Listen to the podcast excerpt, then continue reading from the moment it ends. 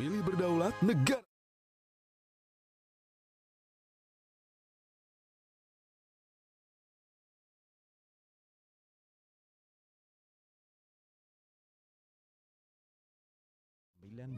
FM.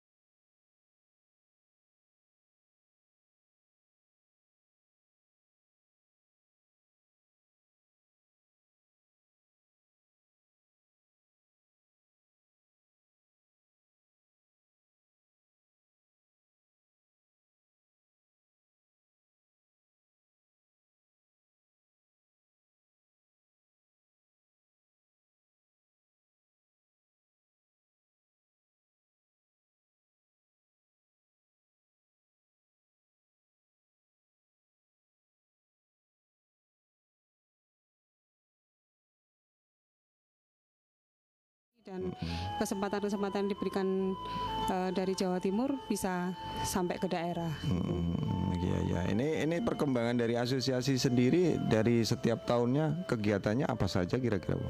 Uh, selain selama ini uh, yang hmm. sudah pernah kami apa kami terima itu selain fasilitasi apa kayak pelatihan, seminar, hmm. workshop, juga kesempatan untuk uh,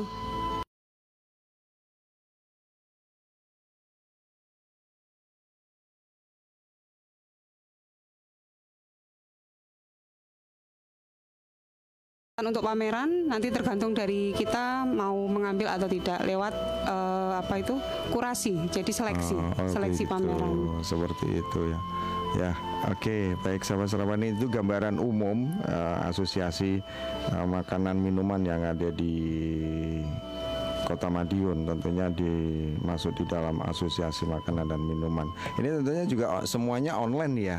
Untuk online. Rata-rata ya, semua teman-teman sudah melakukan untuk produknya secara online juga. E-commerce-nya ya, anu E-commerce termasuk juga ada, ada banyak juga. di eh, ikutkan di beberapa e-commerce juga baik itu offline juga online mereka juga nitip ke toko-toko oleh-oleh atau mungkin lewat dari mulut ke mulut juga lewat apa di marketing lewat online juga. Oh iya, ini kalau boleh tahu Bu Ulan, ini sejarah berdirinya asosiasi ini mungkin apakah karena satu kebutuhan atau memang satu aturan atau apa atau bagaimana terbentuknya asosiasi itu sendiri?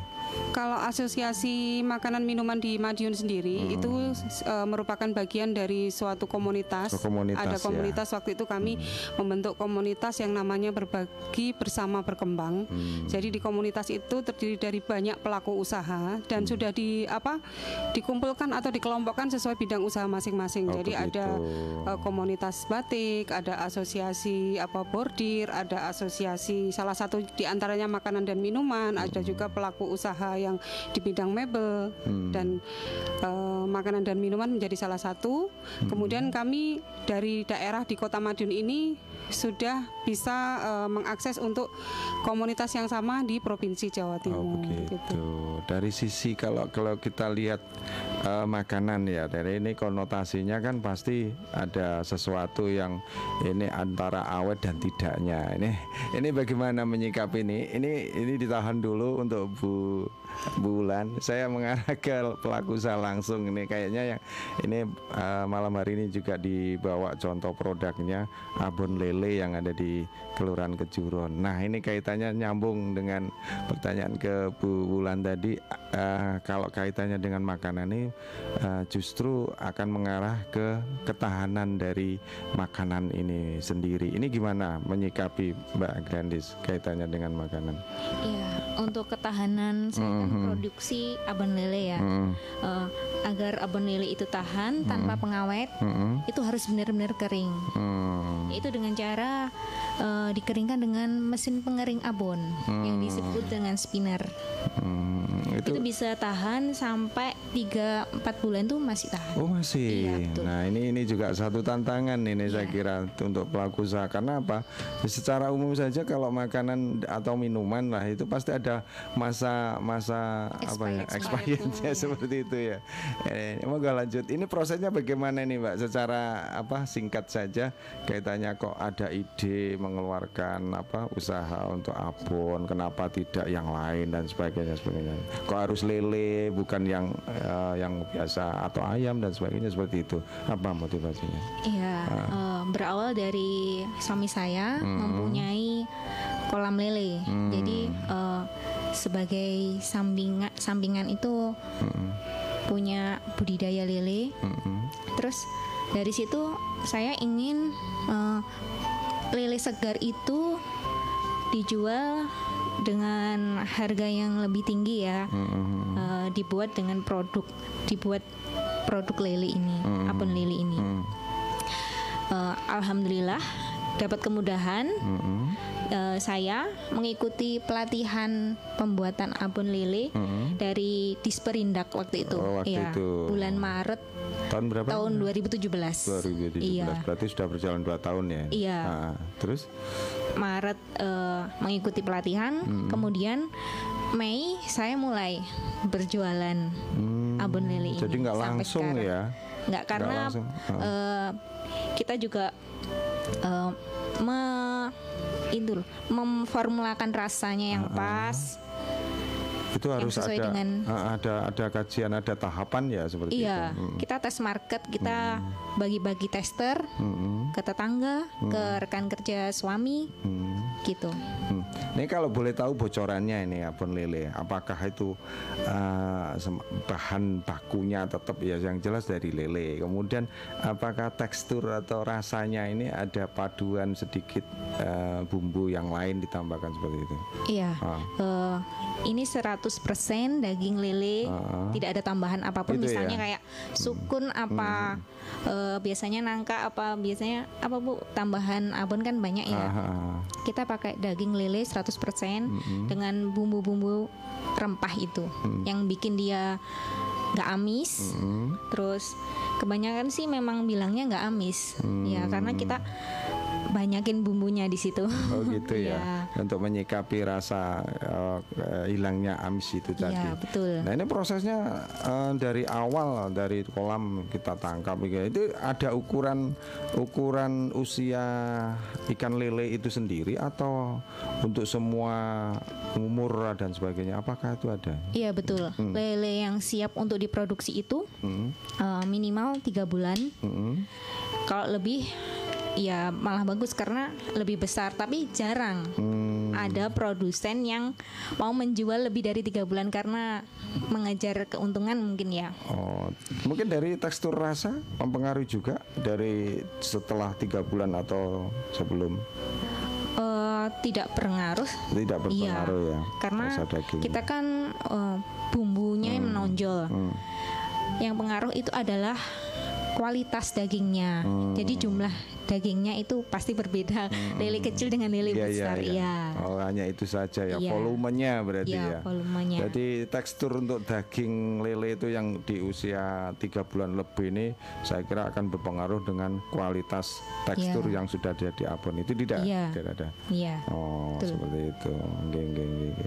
Ini baik salah satu usaha yang digeluti di Kelurahan Kejuruan ada Mbak Grandis. Ini sudah di online kan juga nih, sudah Hmm, hmm. Kita ada Instagram Abon Lele Madinah, terus ada Facebook juga Abon Lele Madinah Madiun dan kita jual di Shopee untuk pelanggan yang eh, bisa ada subsidi ongkirnya mungkin aplikasi Hmm, Untuk Shopee. wilayah Madiun atau hanya Semua seluruh Oh, Indonesia seluruh. Wah, ya. gitu ya. itu juga untuk keluar negeri bisa juga karena Shopee kan menjangkau seluruh. Hmm, hmm. Nah, ini selama ini ada yang udah pesen dari luar Sudah, banyak dari luar kota, Hah? dari Surabaya, Surabaya. Malang, dari Jakarta juga Nah, banyak. Ini pasti Iya. siap-siap harus untuk produksi lebih banyak lagi Iya. ini Pak Grenes.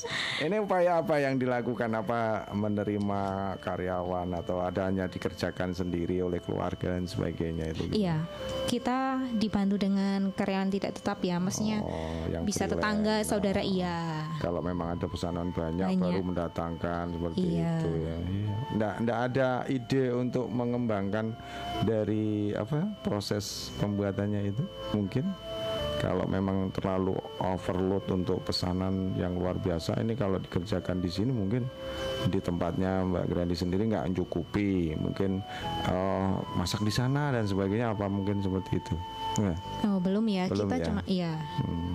Dan lagi menjaga kualitas tentunya ya. Iya. Ada kerahasiaannya itu. Iya, Iya. betul. Oke. Kembali Bu Ulan yang tadi untuk kaitannya dengan ini ada eh, apa?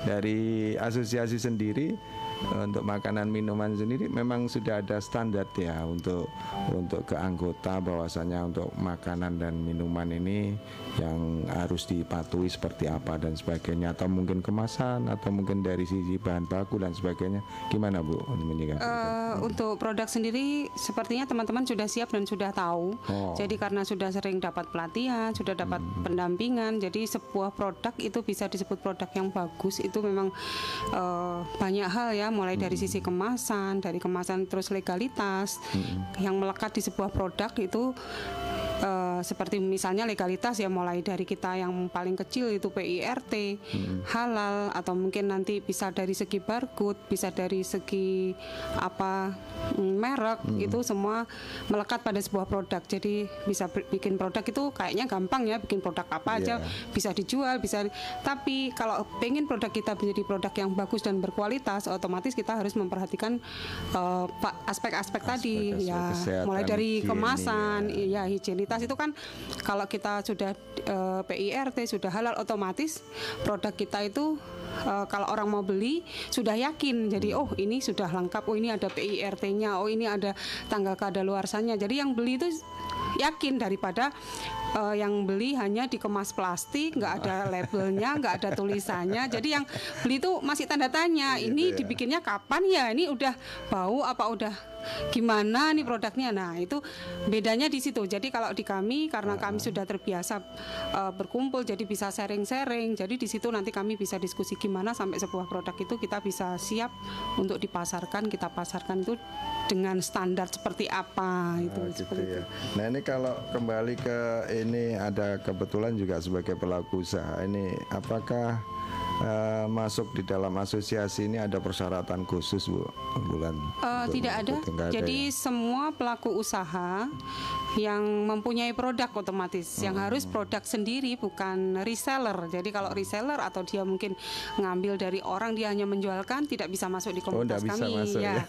Mereka ya. yang benar-benar punya- apa mempunyai produk. Jadi produk yang dibikin sendiri, yang bukan reseller dan bukan repacking. Jadi kan ada juga yang repacking. Jadi beli di grosiran yang losan tanpa merek, dia packing sendiri, dia masukkan toples kasih brand itu nggak boleh. Jadi nanti benar-benar ada kegiatan produksi di situ. Dan itu ada tim apa semacam apa Eh, ya? tidak ada teman-teman? sih kalau kalau kalau itu tidak ada. Biasanya Iya, kalau iya. eh, produk itu kalau mau dilegalkan otomatis ada tim survei. Jadi kalau oh bener nggak nih bikin misalnya sambal pecel ya, Ah. mana pancinya, mana gorengannya, mana alat tumbuknya itu kan pasti ada survei dari dinas kalau Oh dari kalau- dinas ya. Kalau mau mengurus PIRT kan harus lewat dinas kesehatan. begitu. Jadi memang disurvei tempat produksinya bener nggak ini diproduksi di tempat tersebut. Oh, Bu, gitu. saya kira dari teman-teman asosiasi dulu yang ada tugasnya dibagi seperti itu, kemudian baru dibawa. Oh tidak, jadi enggak ya? kami hanya komunitas, Oh, komunitas hanya ya. komunitas yang Peduli. para ininya itu adalah pelaku usaha yang mempunyai produk. Jadi baru bisa gabung kalau memang mereka punya produk. jadi Benar-benar, gitu.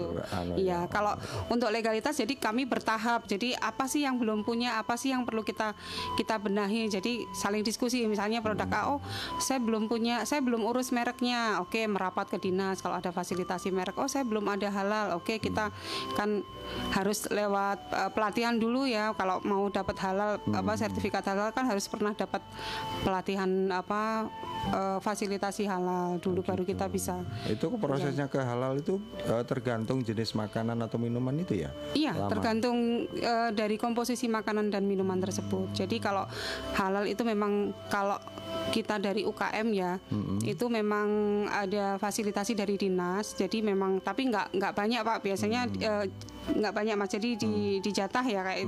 Tapi kita bisa mengusahakan sendiri lewat berbayar. Jadi kalau memang mau produknya bagus ya memang kita harus ya harus untuk arah ke sana biar nje. Tapi kalau kita mau sabar menunggu ada slot misalnya ada nih biasanya kan kita diseleksi juga dari dinas. Oh memang eh, produknya bagus layak untuk difasilitasi gitu. Terus eh, kalau yang tidak masuk dalam kriteria layak seperti itu ya, apakah dari dinas atau mungkin dari teman-teman asosiasi juga menyarankan seperti apa ya ini kok kurang Sebetulnya kalaupun eh, untuk legalitas itu kan bisa diupayakan ke sana. Ya. Cuma tidak menjadi suatu persyaratan. Jadi ah kalau belum ada halal aku nggak bisa jualan gitu nggak juga. Iya, Jadi iya, iya. kalau kita pengen produk kita bagus, pelan-pelan kita memang harus menuju ke sana. Oh, gitu. Jadi sambil Tetap jalan kita up- sambil diupayakan. jualan, kita sambil upayakan. Kalaupun ada fasilitas ke sana kan produk kita semakin semakin mantap gitu loh. Kalau ke ah, ini kembali ke Mbak Granis ini eh, untuk abon lele eh, dari apa ya nah, merahnya Madina ya. Iya. Nah, ini sudah seperti yang disampaikan oleh Bu Wulan tadi enggak? Insya Allah sudah kita sudah mendapatkan Masuk di dalam asosiasi juga. belum. nah ini Bu Wulan Iya. tambahan anggota satu ini. Ah, gimana gimana? Terus lanjut. Eh, produk kita sudah mendapat izin dari Dinkes ya, sudah tertera nomor PIRT-nya. eh, sedangkan label halalnya masih proses. Oh masih Iya, proses betul. Nah, ini bisa bisa anu nanti minta bantuan Mbak Anu Bu Wulan sama teman-teman yang lain. Tapi pastilah dari dinas sendiri ya kalau kalau kita me- mendaftarkan apa produk halal itu sendiri pros- prosesnya gimana Mbak? Untuk berbelitkah atau harus mengalami yang bagaimana? Ya. Kalau dari dinas kesehatan itu eh, pertama kita disurvei tempat produksi, kemudian bahan baku, Mm-mm. terus eh, kebersihan Iya. tempat produksi Hmm. semuanya dicek setelah itu eh, kita baru bisa dapatkan izin PIRT Oh, PRT. dan ada penyuluhan juga Hmm. di Dari iya Hmm. di dinas kesehatan penyuluhannya Diundang atau dari petugas diundang datang? jadi Oh. Dinas kesehatan mengumpulkan kuota mungkin ada 50 orang gitu Oh, ya dengan berbagai jenis produk yang Makanan, dihasilkan. iya, oh, betul. begitu dikumpulkan. Iya. Ya itu kalau kalau apa, apa saya khawatirnya begini, ketika kita sangat membutuhkan sekali legalitas dari dinas kesehatan seperti itu ya. Kemudian nunggu lama kebetulan juga usaha yang lain-lain itu nggak nggak masuk. Itu kan dia juga kasihan ya nggak harus menunggu kuota seperti itu, Bu Ulan. Ini kalau dari kacamata asosiasi apakah harus seperti itu atau harus eh, mendaftarkan sendiri ke dinas? Kalau untuk suatu produk minimal, minimal kan PIRT. Kalau Iya. PIRT kan eh, mengurusnya di dinas kesehatan. Itu saya kira mudah mengurusnya. Jadi kalau kita mengajukan secara mandiri pun dilayani. Cuma dari dinas kesehatan itu kalau mau apa penyuluhan minimal kan harus ikut penyuluhan Oh, dulu. gitu. Kalau mau ikut penyuluhan itu minimal 10 orang. Memang harus 10 Oh, orang. ada. Dan kalau kita sudah pernah ikut penyuluhan, itu kalau kita mau menambah produk sudah tidak perlu ikut penyuluhan lagi. Jadi tinggal menambahkan, oh saya mau nambah produk eh, jenis ini gitu. Jadi saya kira nggak ada kesulitan, Eh, malah lebih mudah. Jadi justru dari eh, dinas dari pemerintah daerah itu justru memfasilitasi. Jadi semakin banyak eh, UKM, semakin banyak yang punya produk, mungkin mereka semakin Lebih cepat Iya, semakin senang. ya, itu yang kita harapkan karena memang untuk meng- menghadapi era industri 4.0 ini memang uh, pemicunya ya dari uh, ekonomi produktif ya yang memang kita apa pemerintah yang lagi getol untuk menaikkan ber, ber- apa bersaing di sana. Baik uh, Mbak Mbak Granis ini pengalaman yang mungkin bisa di-sharing kaitannya dengan proses perizinan di Dinas Kesehatan. Ini selama selama ini ada kendala nggak pada proses perizinannya untuk BRT tadi? ya alhamdulillah tidak ada kendala Hmm. ya Itu temennya pada saat itu ada usaha makanan yang lain bersama berapa berapa berapa jenis makanan yang aduh banyak banget Banyak waktu ya? satu kelas iya Oh, itu dilaksanakan di dinas kesehatan. iya dinas kesehatan Hmm, gitu ya biar biar nanti pendengar mungkin eh, bisa mengetahui bahwasanya produk satu produk itu tidak harus eh, pada saat penyuluhan ini tidak harus ke mana-mana dan sebagainya mengikuti apa semacam seminar dan sebagainya kan tidak harus seperti Tidak. itu ya Bu Wulan ya. Iya. Oh ya itu. Jadi cukup di di di kantor dinas kesehatan Iya, seperti itu. Hmm, Oke, terus kemudian proses selanjutnya dari sisi apa tadi eh, apa survei ya? Setelah survei iya kemudian, kemudian eh, ada tes la- labnya juga. tidak ada Oh, Iya. dari prosesnya saja, proses proses pembuatannya seperti itu. iya tapi kita Hmm. Mengirimkan sampel gitu Hmm, hmm. Biasanya sampel contoh, jadi Contoh kemasan yang abon. mau dipakai itu Pakai. kemasannya apa? Karena di dalam PIRT itu ada 12 di- digit, Mas Digit, Edo ya, ya. ya, itu ya, di ya. situ nanti apabila eh, apa produk itu sudah dipasarkan, mungkin ini bisa sampai Jakarta, sampai Iya, Surabaya, iya. sampai mana-mana. Singapura. Iya, Singapura mau sampai ke mana pun Iya, iya. sebuah produk. Jadi apabila terjadi tujuan dari ada nomor itu ya, eh, kalau nanti ada sesuatu terjadi bisa dilacak dari nomor itu. Jadi Hmm. dari nomor seri itu tahu bahwa produk ini berasal dari daerah mana, bahan bakunya apa, kemasannya yang dipakai apa itu ada kode-kodenya. Jadi Oh, begitu. kode di di- digit Jadi itu adalah identifikasi. Identifikasi itu yang mengetahui adalah dari eh, pihak-pihak yang berwenang maksudnya. Iya betul. Jadi kalau ada sesuatu terhadap produk tersebut bisa dilacak ketahuan ini keluarnya dari mana nomor ini. Jadi kita kan setelah ikut eh, apa pelatihan ada dapat fasilitasi nomor PIRT itu ada sertifikatnya. Sertifikat pelatihan ketahanan pangan karena kita sudah dapat pelatihan dan kita diberikan nomor eh, induk produksi. Jadi ada nomor serinya di produk yang kita Plus bentuk dari mungkin kalau itu label. ya Beda label. lagi. karena label itu kan nanti apa nama nama merek yang dipakai dan kemasan yang dipakai. Karena berbeda nanti kalau kemasannya plastik kalau kemasannya aluminium atau mungkin kemasannya nanti berbahan eh, mungkin botol itu nanti sudah beda-beda. Oh, kode serinya sudah berbeda. Gitu ya. Sama bahan baku yang dipakai otomatis kan kita harus mencantumkan eh, bahan baku jadi misalnya ada jenis dari ikan dari tepung itu nomor serinya juga beda Ah, gitu ya. Baik, ini nampaknya juga sudah ada yang berpartisipasi melalui telepon. Langsung saja saya beri kesempatan. Selamat malam. Selamat malam Mas Edo. Selamat malam. Selamat malam Bu. Heeh, ada Bu Wulandari dan Mbak Bu Granis. Bulan ya. dari selamat malam. Assalamualaikum. Waalaikumsalam Iya, ini saya hanya mau nimbrung ngomong sedikit aja. Monggo Madun silakan. kan terkenal pecelnya ya Bu ya. Iya.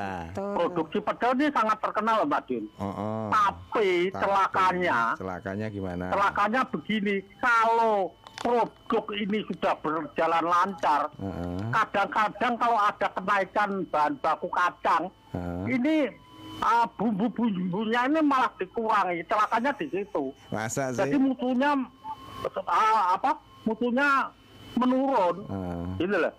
Ya, maka saya mengharap Heeh. sebagai produsen-produsen ini contohnya sambal saja. Iya. Ini kalau sudah laku mbok mbok ya ora tas dilongi bumbune, Heeh. mendingan dinaikkan harganya. Hmm. Ini supaya menjaga kualitas dan mutu dari produk kita sendiri. Mm-mm. Gitu aja Mas Edo, mohon maaf. Assalamualaikum. Waalaikumsalam.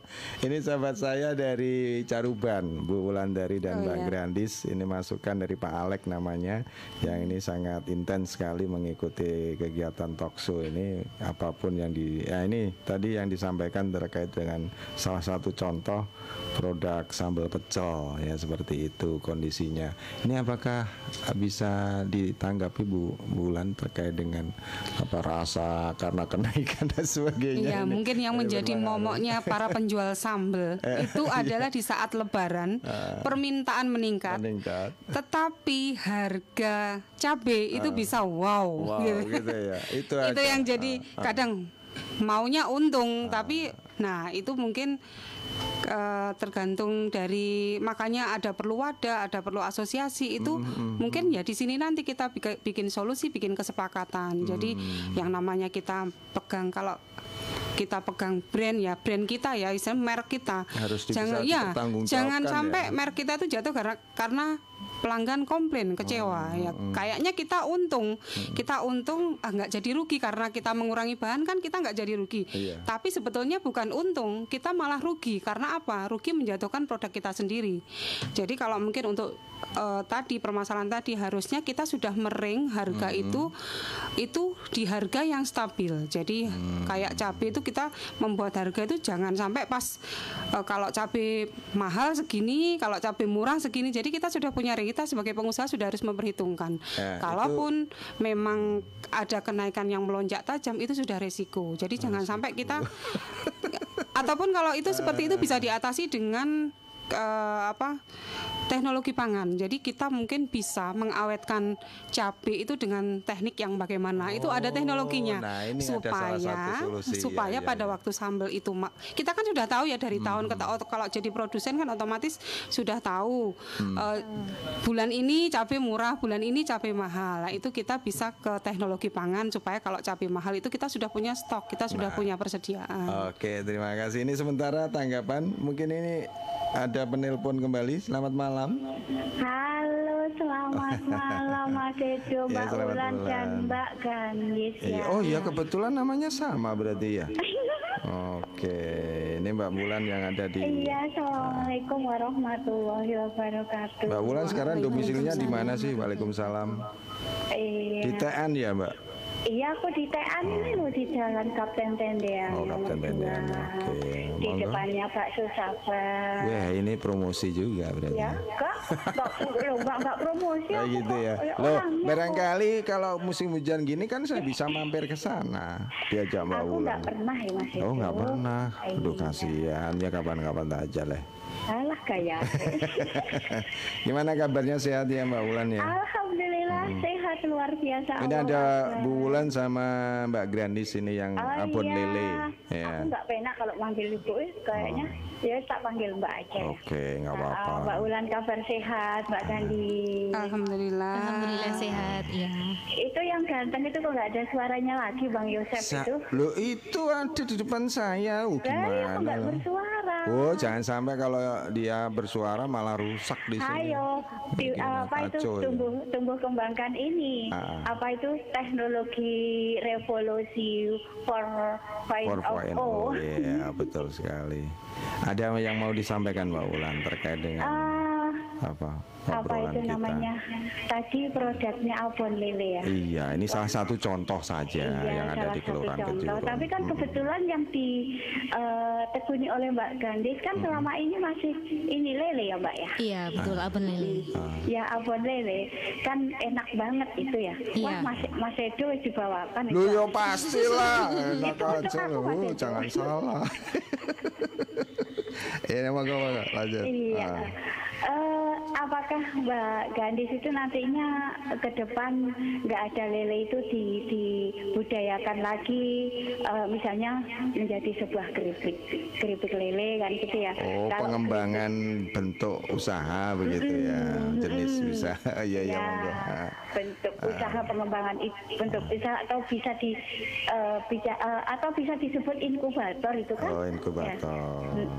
Oke. Itu inkubator itu kan suatu alat untuk pengembangan usaha kan gitu ya Hmm, oke. oh kayak Woi, kok masalah di sini kita nggak membatasi, kita sama-sama Iya. sharing ya. Uh, uh, apalagi ya sekarang itu didukung oleh uh, adanya adanya teknologi yang canggih Hmm. maka disebut uh, apa itu namanya revolusi Industri. uh, industri 4.0. 4.0 uh, eh, oh ya Iya, Mas. oh ya, itu ya ah, podo siru ya gak apa-apa, oh ya gak apa-apa wis.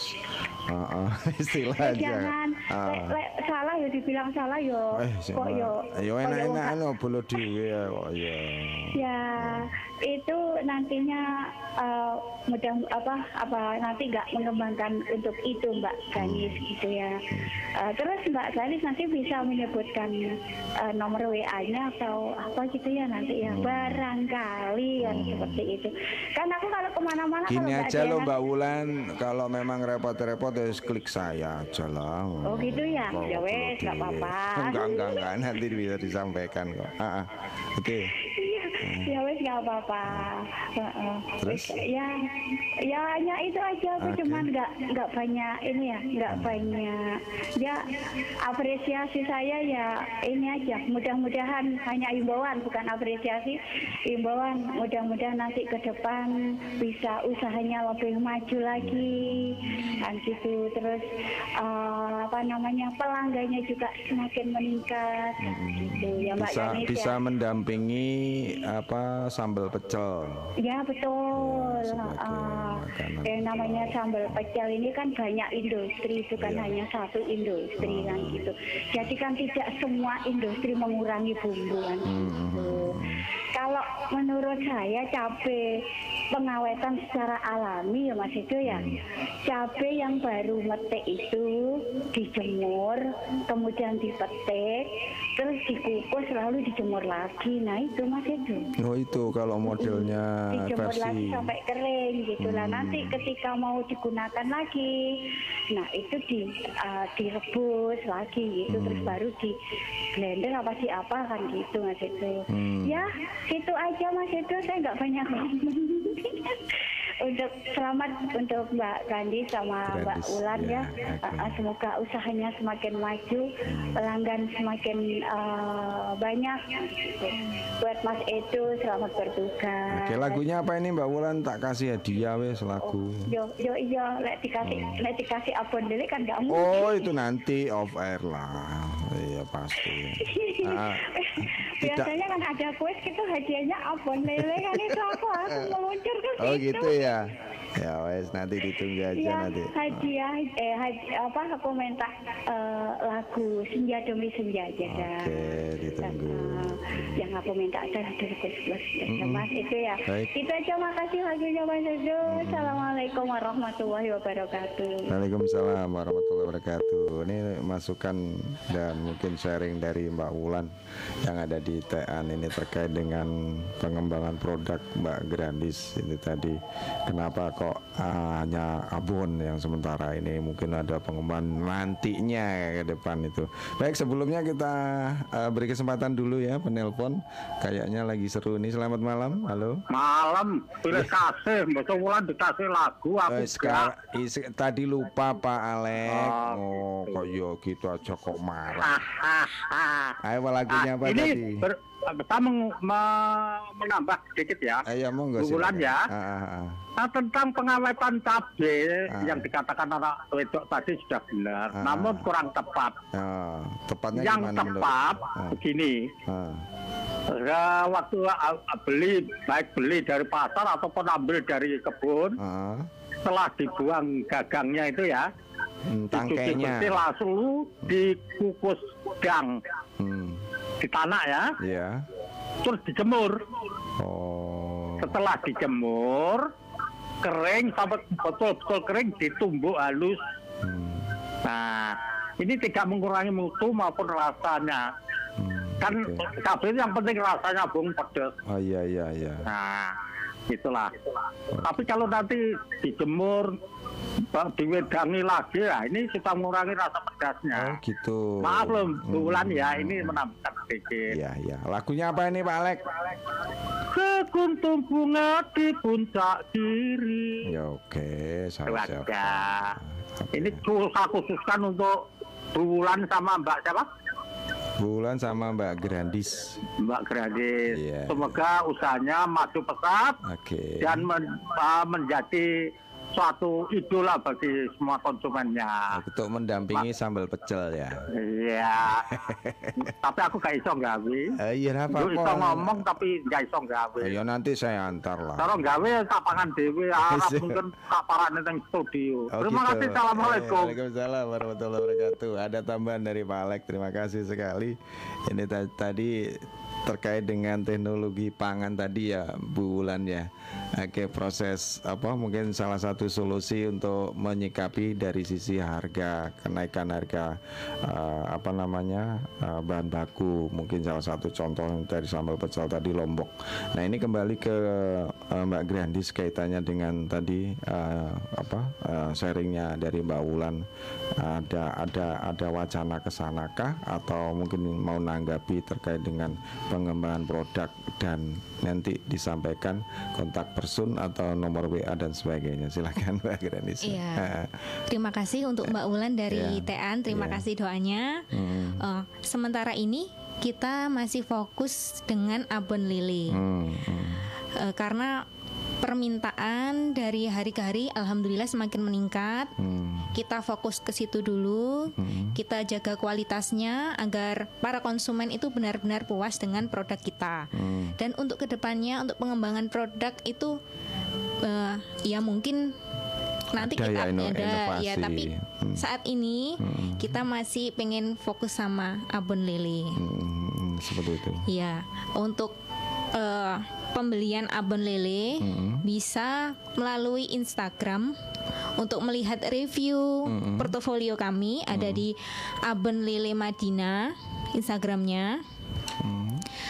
Terus Facebooknya abon lele Madina Madiun.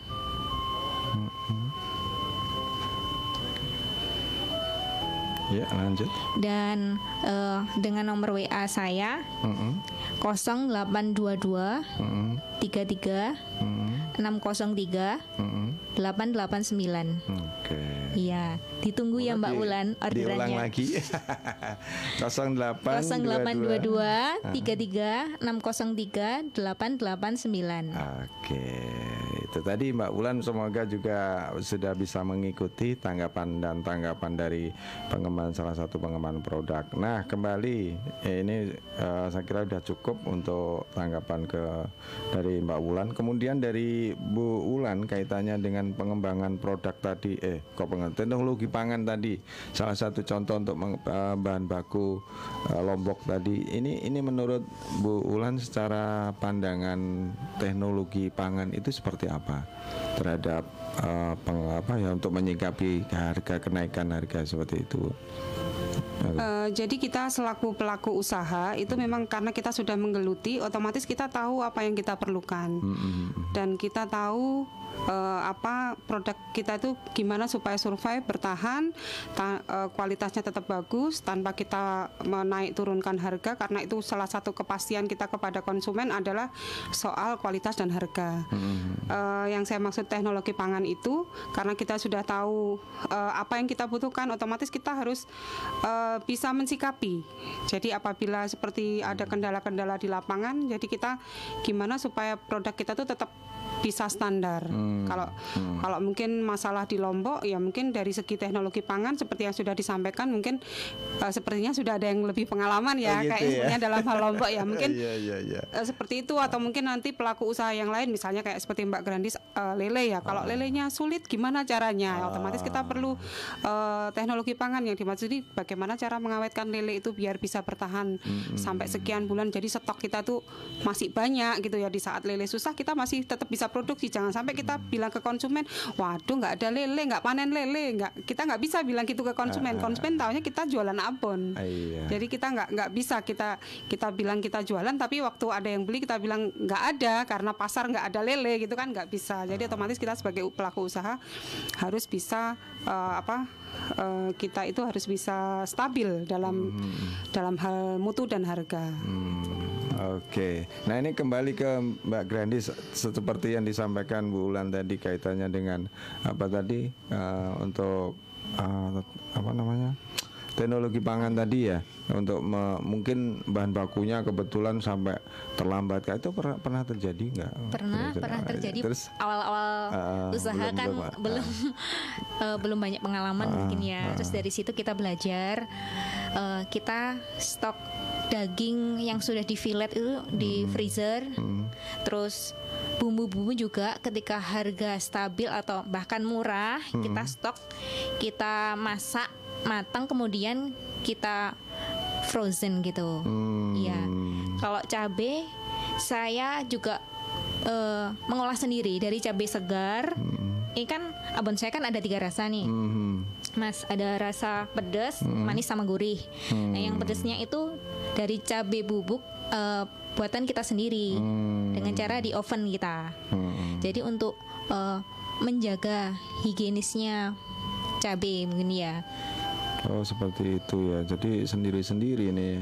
Iya. Kalau ini apa kebetulan yang yang proses sampai keterlambatan baku, bahan baku itu memang berawal dari ketidaktahuan kita terhadap bahan baku sendiri yang eh, di luar dugaan seperti itu Mbak Grandis menjadikan pengalaman ya. Iya betul. Nah, seperti itu. Jadi sekarang bisa diambil solusi Sudah. ada semacam apa ah, mesin atau alat untuk Iya. pengawet dari bahan baku daging ikan lele itu sendiri. Iya. Nah, kalau boleh tahu ini kalau secara secara detail lagi ke apa ikan lele itu tadi eh, proses dari apa pengambilan Daging. pengambilan bahan dagingnya digunakan semuanya atau hanya bagian-bagian tertentu atau bagaimana? hanya dagingnya aja. Jadi kulit, duri dan kepalanya itu menjadi limbah, kemudian bisa buat pakan lele itu lagi. Oh, alah. iya, kan sudah ya? matang ya Mas ya. Oh, jadi prosesnya dikukus dulu. Eh, Iya. oh, gimana gimana? Lelenya itu lele segar dikukus kemudian baru di fillet. Oh, di fillet. Iya. Di fillet itu semacam proses apa itu? Proses eh, menyiangi dari durinya. Oh, gitu. Iya, betul. Terus kemudian habis di fillet, Kemudian kita olah dengan bumbu, baru digoreng dengan minyak. hmm, Terus dikeringkan dengan alat tadi pengering minyak spinner itu. hmm, nah ini yang yang khusus ini spinner. Saya kira itu ya anu bulan kalau Iya, kalau eh, abon eh, ha- untuk hasil yang eh, bagus itu memang harus lewat proses spinner supaya menghilangkan mengurangi minyak supaya tidak gampang tengi itu jadi kan itu kering itu untuk eh, bahan baku daging apa saja ya? semuanya harus ke, semua ke- produk yang pakai spinner. minyak Ah. gorengan itu sebaiknya ya pakai spinner jadi eh, baik itu Oh, mungkin ada- abon sudah- atau sudah bawang standar. Hmm. goreng ataupun produk apa yang diproses dengan pakai minyak Mm-mm. supaya lebih tahan lama dan awet itu sebaiknya dipakai di spinner dahulu mas Berarti itu di, di, dikategorikan standar SOP yang harus dilakukan Iya, kalau kita pengen goreng. produk kita itu awet, Awet Eh, ya. iya. Oh. awet kalau nggak dimakan maksudnya. Kalau nggak awetnya karena satu hari habis. Iya iya iya iya. Aduh luar biasa. Ini eh, sering lagi nih eh, Mbak Grandi selama menggeluti dunia apa di abon lele ini.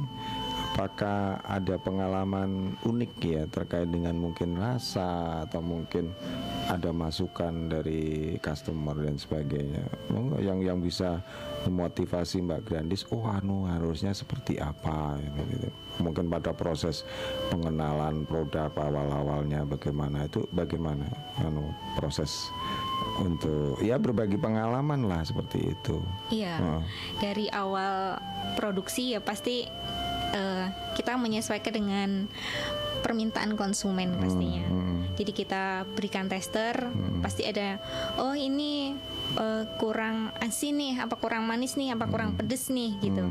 Jadi lama-lama eh, standarnya sudah terbentuk, formulanya sudah terbentuk dan sudah cocok di semua kalangan. itu prosesnya untuk sampling terhadap konsumen kah atau hanya keluarga seperti itu Sampling ke keluarga Tes, konsumen iya. Oh, ini proses waktunya untuk menyesuaikan dengan lidah masyarakat umum katakanlah seperti itu itu bagaimana eh, Eh, yang sudah dilakukan Iya, nggak lama sih.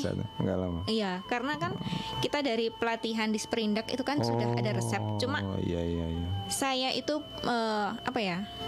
Memiliki formula tersendiri. Menurut saya yang ini loh yang laku dijual. Hmm. Ya, jadi awalnya bikin pun itu saya bikin diberikan ke tetangga kan maksudnya masih eh, belum kepikiran nih mau jualan. Ternyata Iya, iya. enak. Oh ya udah enak. Ini bisa ini dijual ya? Sudah. Jadi eh, dari sesuatu yang coba-coba ya eh, jadi menjadi satu produk seperti Yang itu. benar-benar diseriusin. Di- diseriusin. Harus Iya. seperti itu. Atau atau mungkin yang yang timbul terjadi di asosiasi teman-teman di makanan minuman ini ya apa ya? Seperti itu bu ya. Ada resep standar kemudian dia bikin sendiri untuk coba-coba di rumah mungkin ada sedikit beda seperti apa seperti itu ya, Bu? Mungkin awalnya teman-teman mem- membuka usaha ya mungkin seperti itu mas. Jadi ya, ah. mereka yakin oh misalnya ada teman saya nih bikin jamu, Ah. kok eh, ibunya suka, bapaknya suka, dicoba-coba tes pasar laku. Sekarang jamunya dengan udah ber- dengan dengan berbeda sedikit dengan standar itu tadi Iya. misalkan beras Kalau- kencur bahannya ini ini Iya, ini kalau eh, mungkin jamu banyak Ya, ya, mungkin ya, ini ya. cerita jamu sedikit, Ah, ah, sedikit tentang jamu. Jamu banyak di pasaran, tapi Hmm. eh, mungkin dari yang jual jamu yang biasa mungkin di pasar Hmm. didorong atau digendong, itu mereka nggak kepikiran kalau jamu itu ternyata bisa naik kelas. Nah, kalau di teman saya sudah dikemas dalam sebentuk botol, dia eh, apa pemasarannya bagus lewat sosmed, lewat Instagram, lewat macam-macam. Jadi sampailah jamunya ke mana-mana. Oh gitu. Se Indonesia. oh. Ya jamunya standar. Jamu beras Standar. kencur, jamu kunir asam, jamu eh, gula asam. itu prosesnya ada ada untuk apa dari sisi expired menghindari expired seperti Kalau itu? jamu karena tergantung pelaku usaha ya kan Hmm. memang eh, sebetulnya kalau jamu itu bisa ditambahkan dengan bahan tambahan pangan supaya awet Hmm. karena semua produk itu eh, memang kalau kita pengen awet itu memang bahan eh, diberikan bahan tambahan pangan Hmm. bahan tambahan pangan itu bukannya oh nggak mau karena ada pengawet Hmm. tapi itu memang justru harus diberikan supaya produk itu awet dan itu ada takarannya mas Hmm. jadi takarannya yang diperoleh yang diperbolehkan oleh BP POM itu ada takaran untuk di setiap eh, satu liter atau satu kilo eh, produk itu diperbolehkan sepersekian persen. itu masih aman Iya, untuk tubuh. Jadi kalau jamu, tapi kalau teman saya ini dia masih oh produk saya ini orisinil nggak pakai pengawet otomatis dia cara pengemasannya. Jadi yang dia dia tekankan di pengemasannya. Jadi cara mengemasnya, cara pengiriman harus diyakinkan bahwa itu satu hari sampai. Tapi banyak juga jamu-jamu di pasaran yang mereka eh, apa menggunakan pengawet jadi masih bisa tujuh hari. It's okay nggak masalah. Itu tetap eh, apa ada manfaatnya toh eh, bahan tambahan pangan yang diberikan tadi masih dalam kategori aman dan diizinkan oleh BP POM. Hmm, Oke, ini ini ini terima kasih sekali ya nih sahabat Ramadan mungkin pada kesempatan malam hari ini yang tidak mendengar atau mungkin lagi ketol di sosial media dan terhubung dengan Facebook sahabat Ramadan bisa bergabung di sini ya langsung live.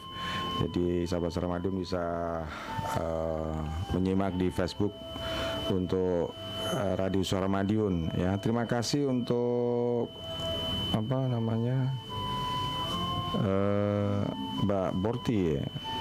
Oh Abu Cakra, terima kasih Abu Cakra. Kemudian Kang Yosefnya juga aktif di sini. Terima kasih. Ada Matahari Timur. Oh terima kasih sekali nih sahabat kita yang ada di Jakarta juga lagi lihat di Facebook di streaming pada kesempatan malam ini. Terima kasih dan berlanjut nanti setelah beberapa lagu kita break dulu ya. Terima kasih eh, untuk sahabat Ramadan. Kebetulan tadi ada dua apa namanya lagu yang sudah di request ada Pak Alek dan Mbak Wulan. Kita break sesaat untuk beberapa lagu. Selamat mendengarkan.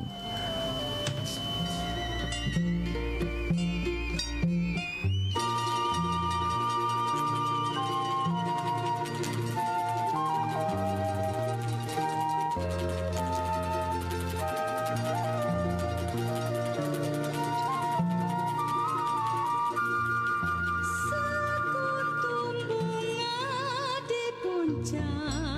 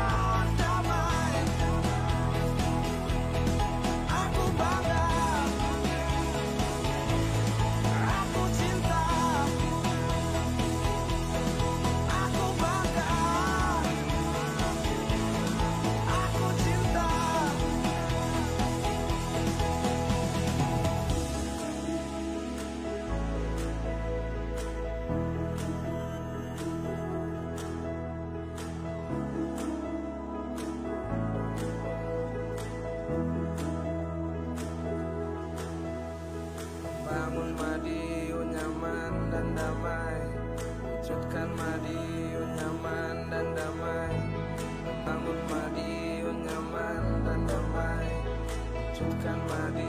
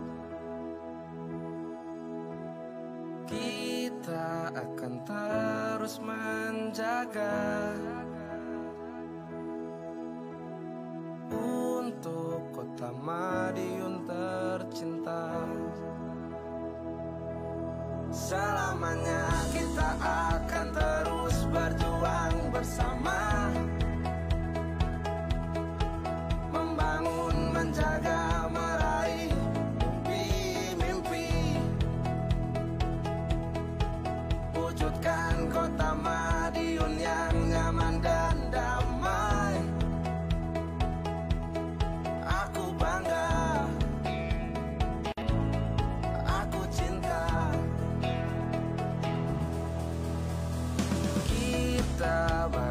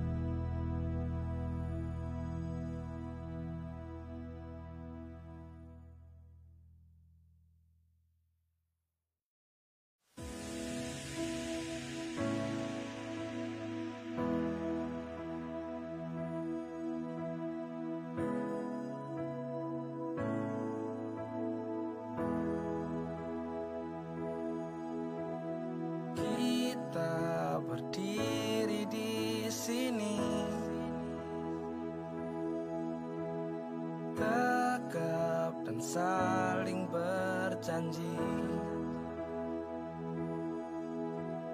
Kita akan terus menjaga.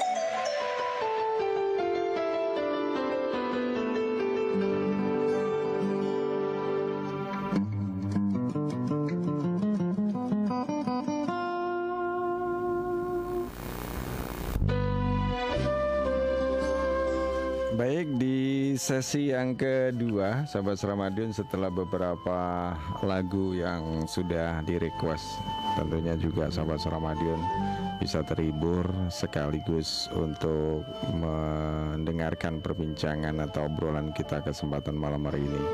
Di temanya tentunya terkait dengan usaha kecil menengah tadi juga mungkin sahabat Suramadin sudah di sesi yang pertama sudah mendengarkan sharing atau apa eh, pembahasan atau obrolan kita di sesi yang pertama.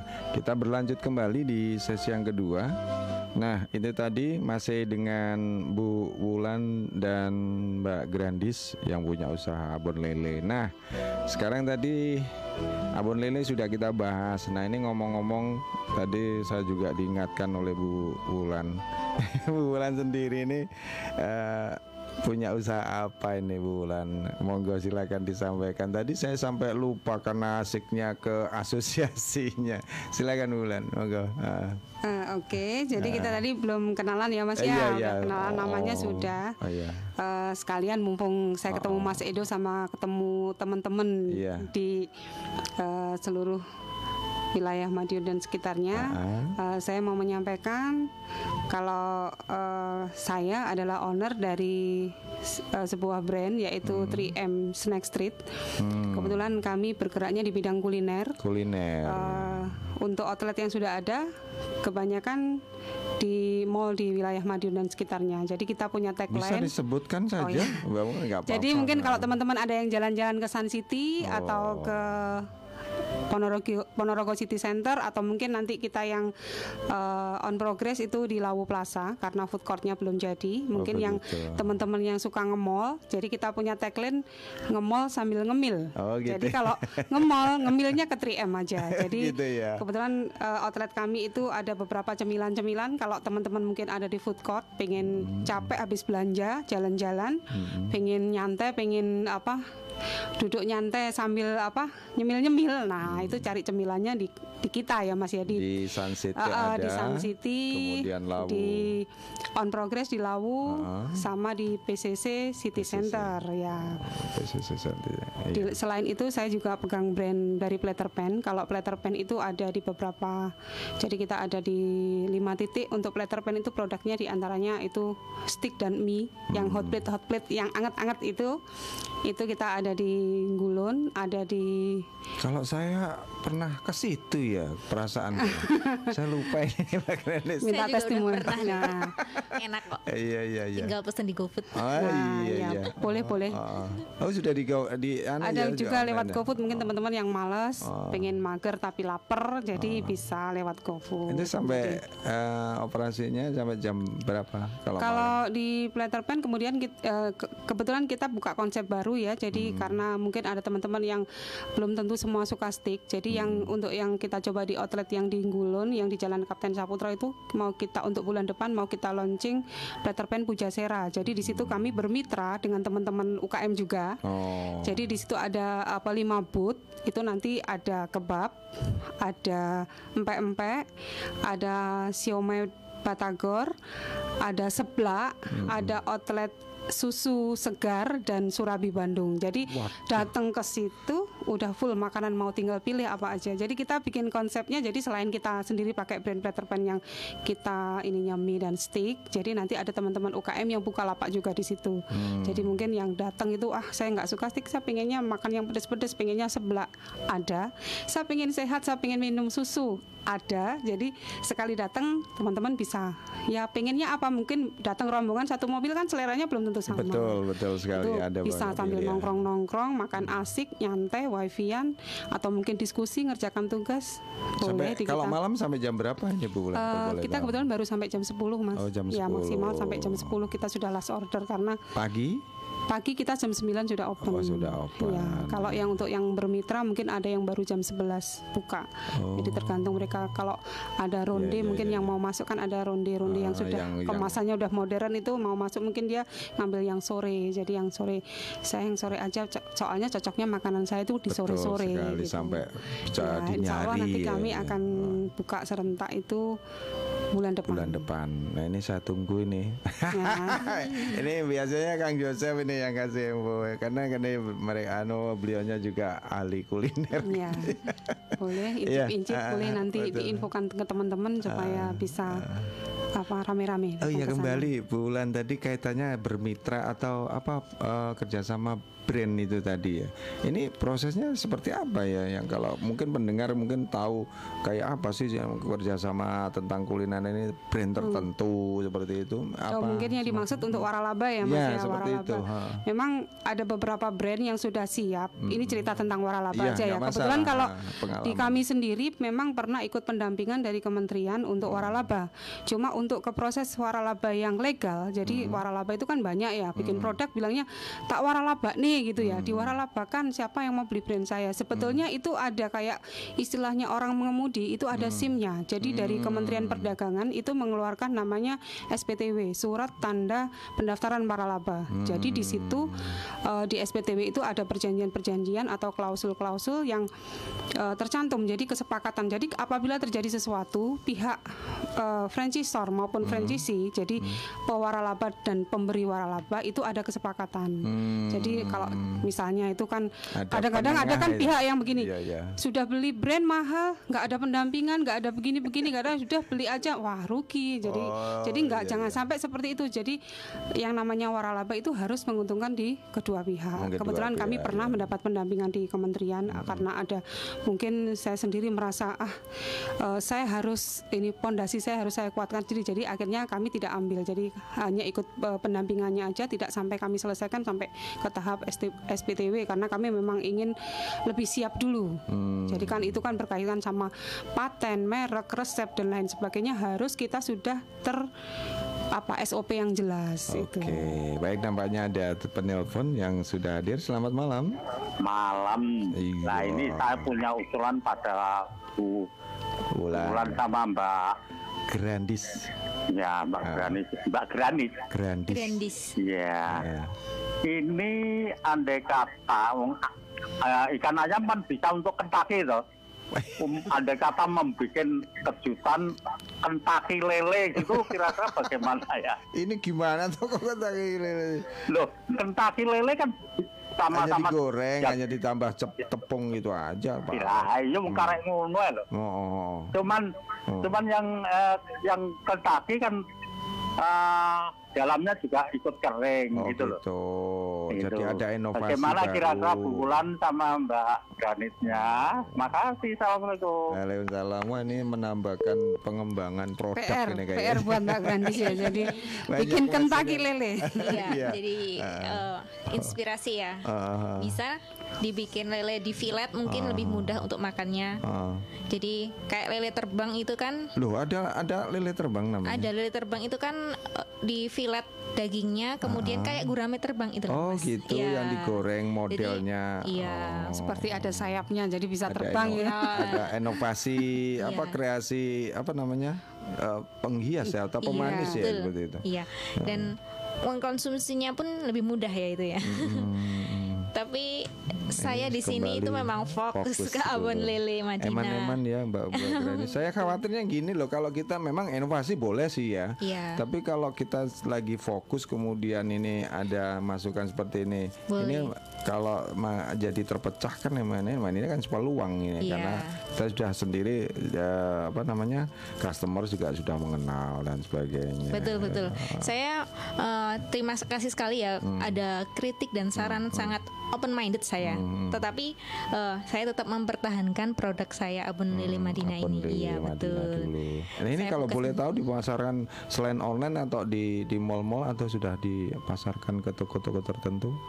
Eh, kita baru nitipkan ke toko Pertaguma. Itu koperasinya guru ya di depan IKIP PGRI. Hmm. Di situ kita pernah menitipkan eh, bulan-bulan tertentu, bulan puasa gitu. Mm-mm.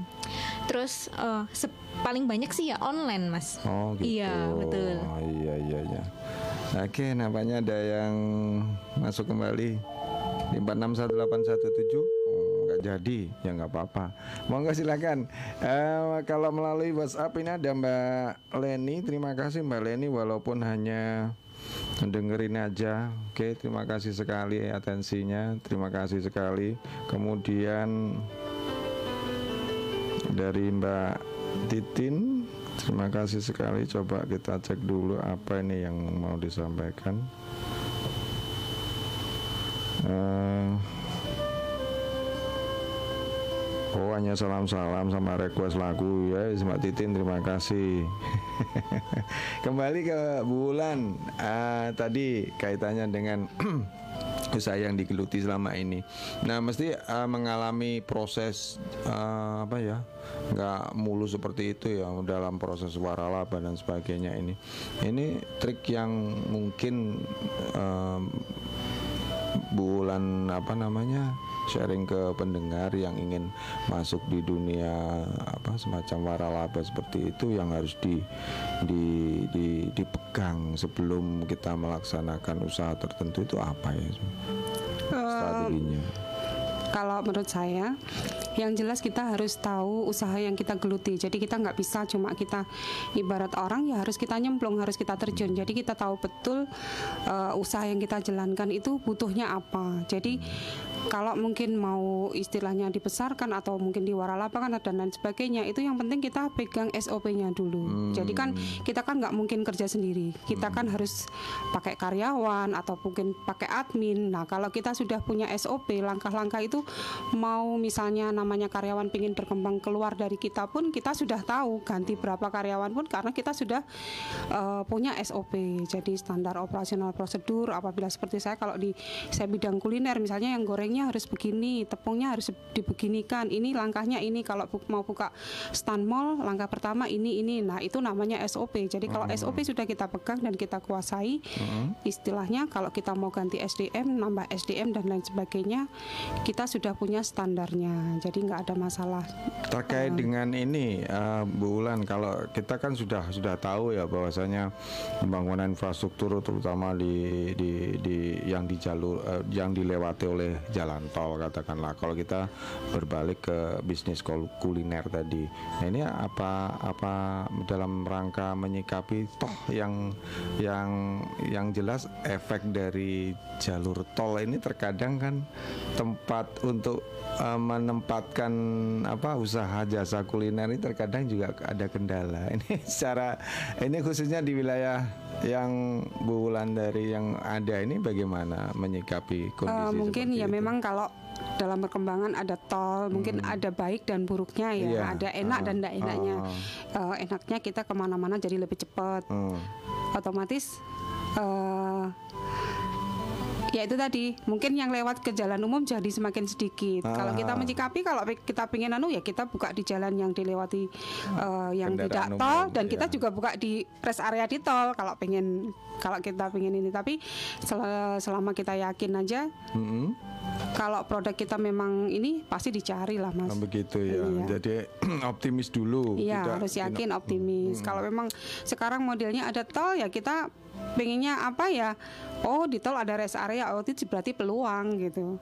Jadi bisa gabung di sana banyak mungkin eh, bisa merapat ke rest area. Ya, gitu. toh lagi mungkin di sana kalau kalau ver- eh, untuk Mbak Granis nggak ada masalah ya untuk Iya, betul. produknya menitipkan ini yang yang saya anu ini yang saya dalam pikiran saya ini kalau kuliner sedangkan sekarang itu infrastruktur lagi gencar-gencarnya ya. Padahal untuk kuliner itu pasti akan ada survei-survei tertentu yang mungkin ada standar SOP yang disampaikan Bu Wulan ini untuk tempat-tempat yang bisa direkomendit untuk kuliner tersebut ada bahan itu kan pastinya dilakukan ya Bu ya untuk yang mempunyai branding dan sebagainya seperti itu. Kalau yang mandiri ini bagaimana ya menyikapi itu?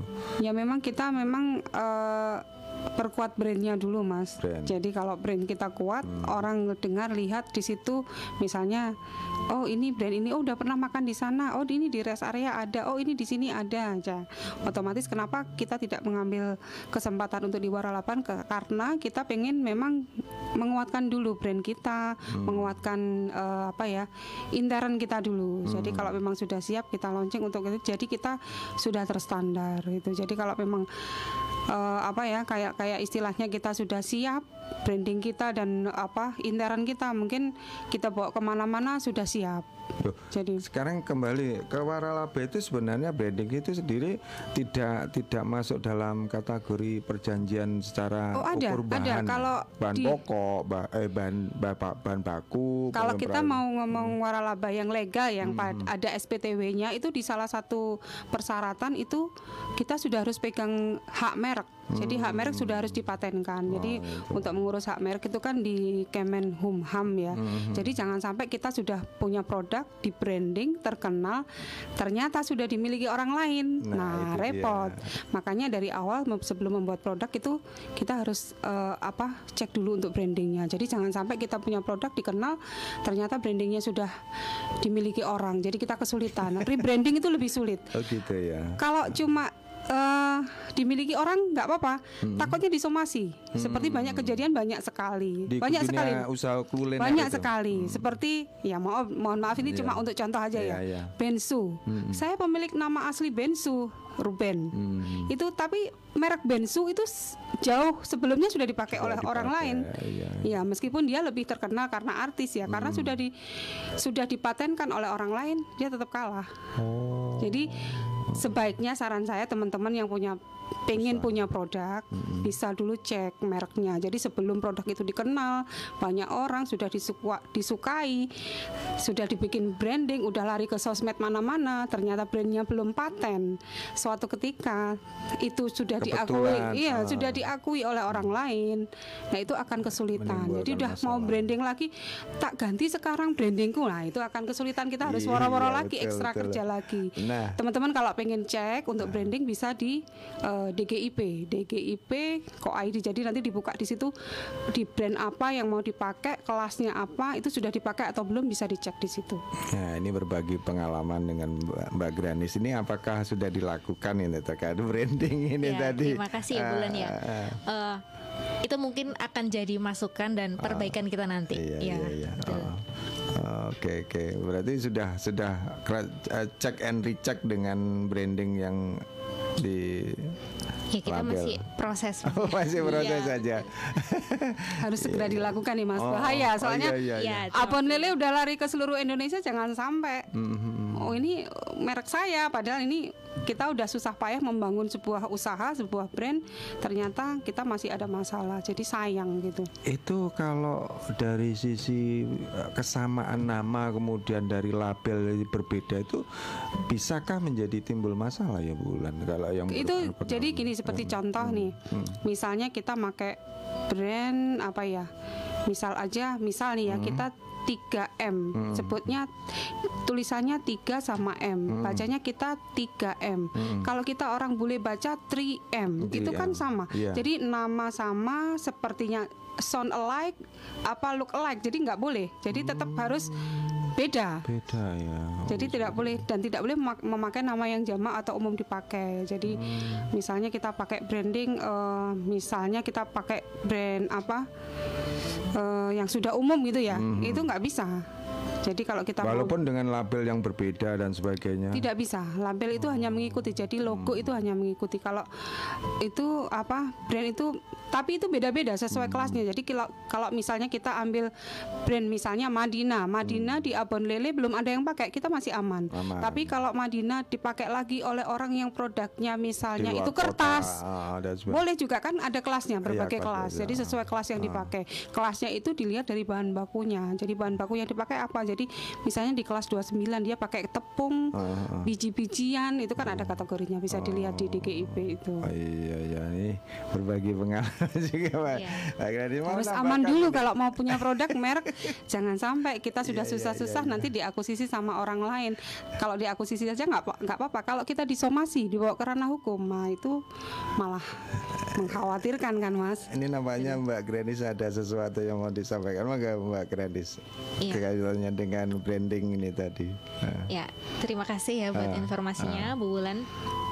Eh, kita sebelum bikin brand ini kan pasti penyuluhan dari PR itu kan PIR, PIRT itu di itu kan Hmm. masalah nama terus apa apa yang harus dicantumkan di kemasan ini.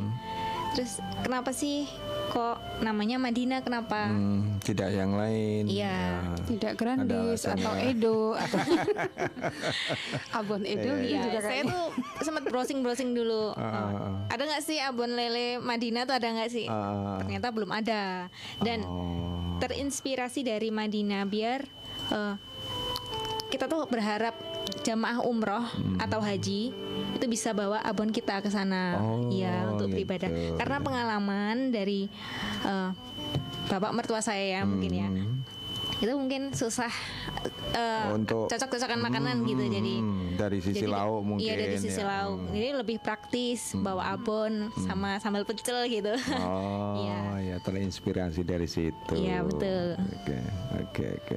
Ada yang lain? Eh, ini ngomong saya berbagi sedikit tentang brand tadi kembali ke brand. Eh, brand itu melekat pada sebuah produk. Jadi eh, dan itu melekat juga di pikiran kita. Jadi kalau orang bilang misalnya eh, KFC, di pikiran kita kan pasti membayangkan ayam crispy, kriuk. Nah itu nang yang saya maksud eh, brand itu melekat pada pikiran eh, penggunanya. Jadi kalau kita mau bikin ini di- diupayakan juga bisa seperti itu. Jadi kalau orang bilang Madinah, oh iya abon lele gitu kan. Iya. Jadi maksud saya seperti itu. Jadi eh, bahwa brand itu bisa mengu- apa, menguasai pikiran orang yang membacanya. Betul. Salah satu Jadi melekat pada kemasan sebuah produk. minuman ya pada saat Iya. awal-awalnya atau mungkin merek baterai tertentu kan seperti itu kan. Oh, merek sepeda motor ya kan seperti Iya, itu. betul. Kalau dulu julukannya seperti itu masih sampai sekarang pun terbawa. Terbawa ya betul. By the way, eh, biar abonnya ini melekat ke hati, Ah, iya, Mas iya. Ida dan Bulan silahkan dicicipin. Wah, Ya, oke, terima kasih. ini nanti. kalau nggak ada nasi angetnya nggak asik ini. ya, bisa bisa toples ya. Eh, sip, sip, sip. Terima kasih sekali. Wah, ini yang nonton Facebook mesti pengen ini. Pengen semua ya gimana? Hmm. Enak gak? Iya, terima kasih. Hmm, untuk Mbak Isna, terima kasih yang ada di Magetan. Kemudian eh, Mbak Beli Saputra ya, terima kasih. Ini juga sharing di sini. Hmm, hmm, lumayan.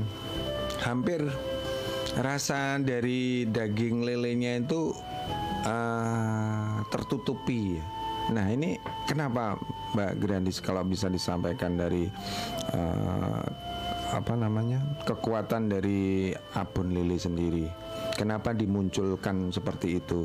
Kok nggak nggak rasa daging rasa daging lelenya itu kuat begitu? Selain selain amis tadi loh, Iya. nah, karakternya itu gimana teksturnya? Eh, kita perkuat dengan rasa bumbunya ya. Mhm. Terus karena lele kan sudah gurih, Mhm. Oh, sudah gurih dan ditambah bumbu jadi tambah enak gitu loh. Ya, Hmm, teksturnya seperti itu. betul. Dan lembut ya. Kalau Ini kalau yang saya dicipisi tadi yang rasa pedas apa Ini rasa manis. oh manis? Iya. Kalau yang pedas beda lagi ya pasti. Beda lagi, lebih pedas. Nah ini berarti Ada itu- gurih juga. Ah. Itu sih gurih itu juga eh, apa ya masukan dari konsumen gitu loh. Mungkin ada yang nggak suka manis, terus Mhm.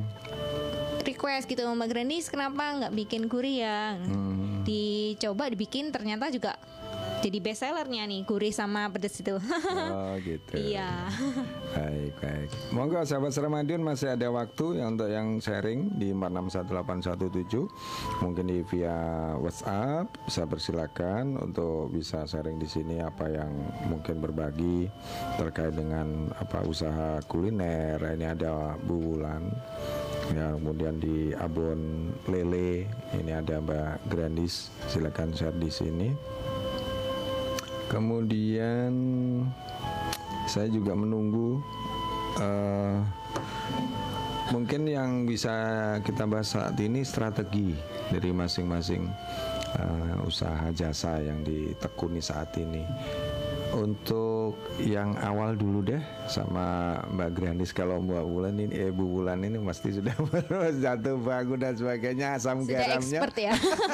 Oh, asam garamnya pemula. sudah berpengalaman. Nah, ini dari pemula dulu nih Iya. strateginya. Mungkin yang yang akan di di apa dilakukan untuk memperkuat dari branding Abon Lele, kemudian dari tekstur rasa dan sebagainya itu apa ini nanti ke Iya. depannya. Eh, sedikit berbagi ya, walaupun pemula. Iya. Jadi awalnya harus punya bisnis punya bisnis itu memang betul kata Bulan harus Fokus, optimis, optimis optimis, Hmm. fokus. Kita yakin eh, produk kita diterima masyarakat. Hmm.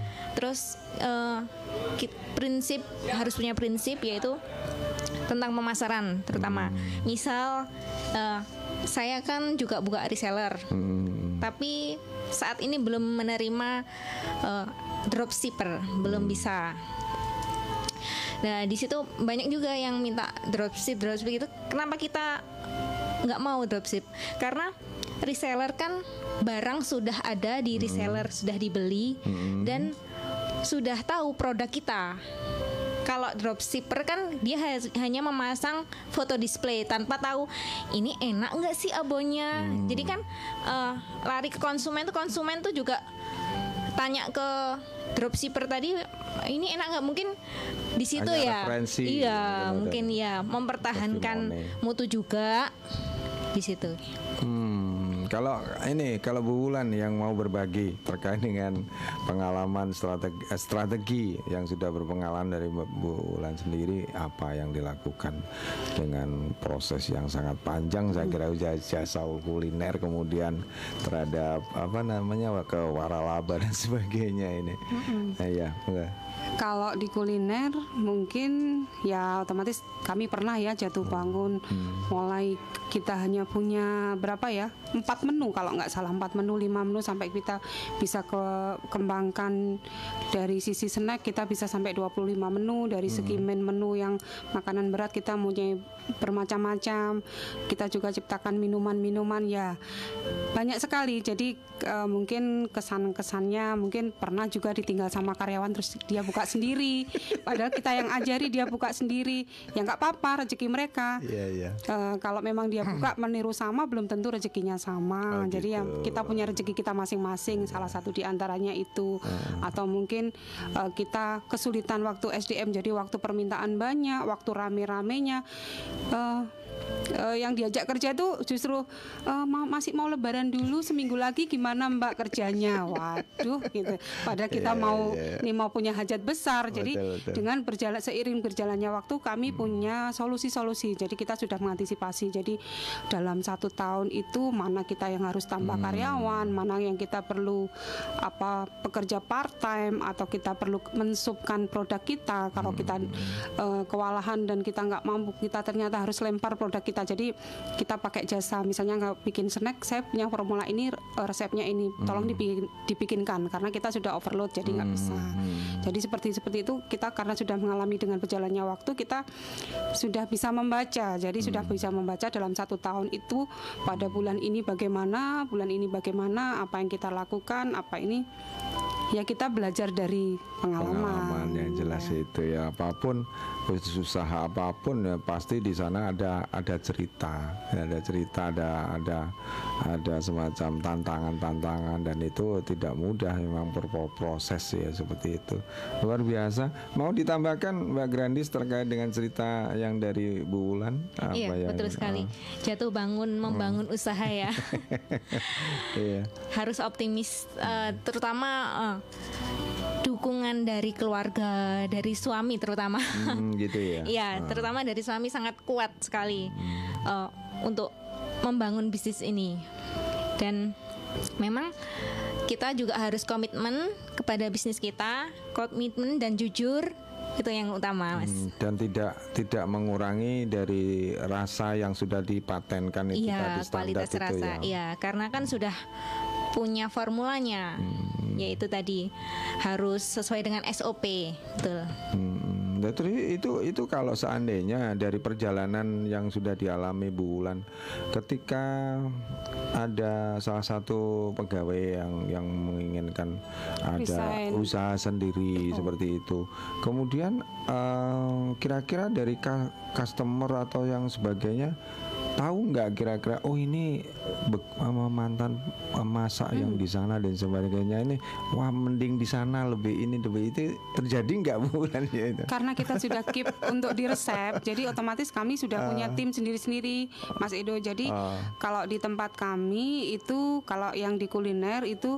antara rumah produksi sama outlet kita bedakan. Jadi Oh, semua iya, yang di iya, outlet iya, itu hanya bersifat menyajikan. Oh, jadi gitu. hanya memproses yang sederhana jadi kalau misalnya snack itu mereka tinggal menggoreng menyajikan.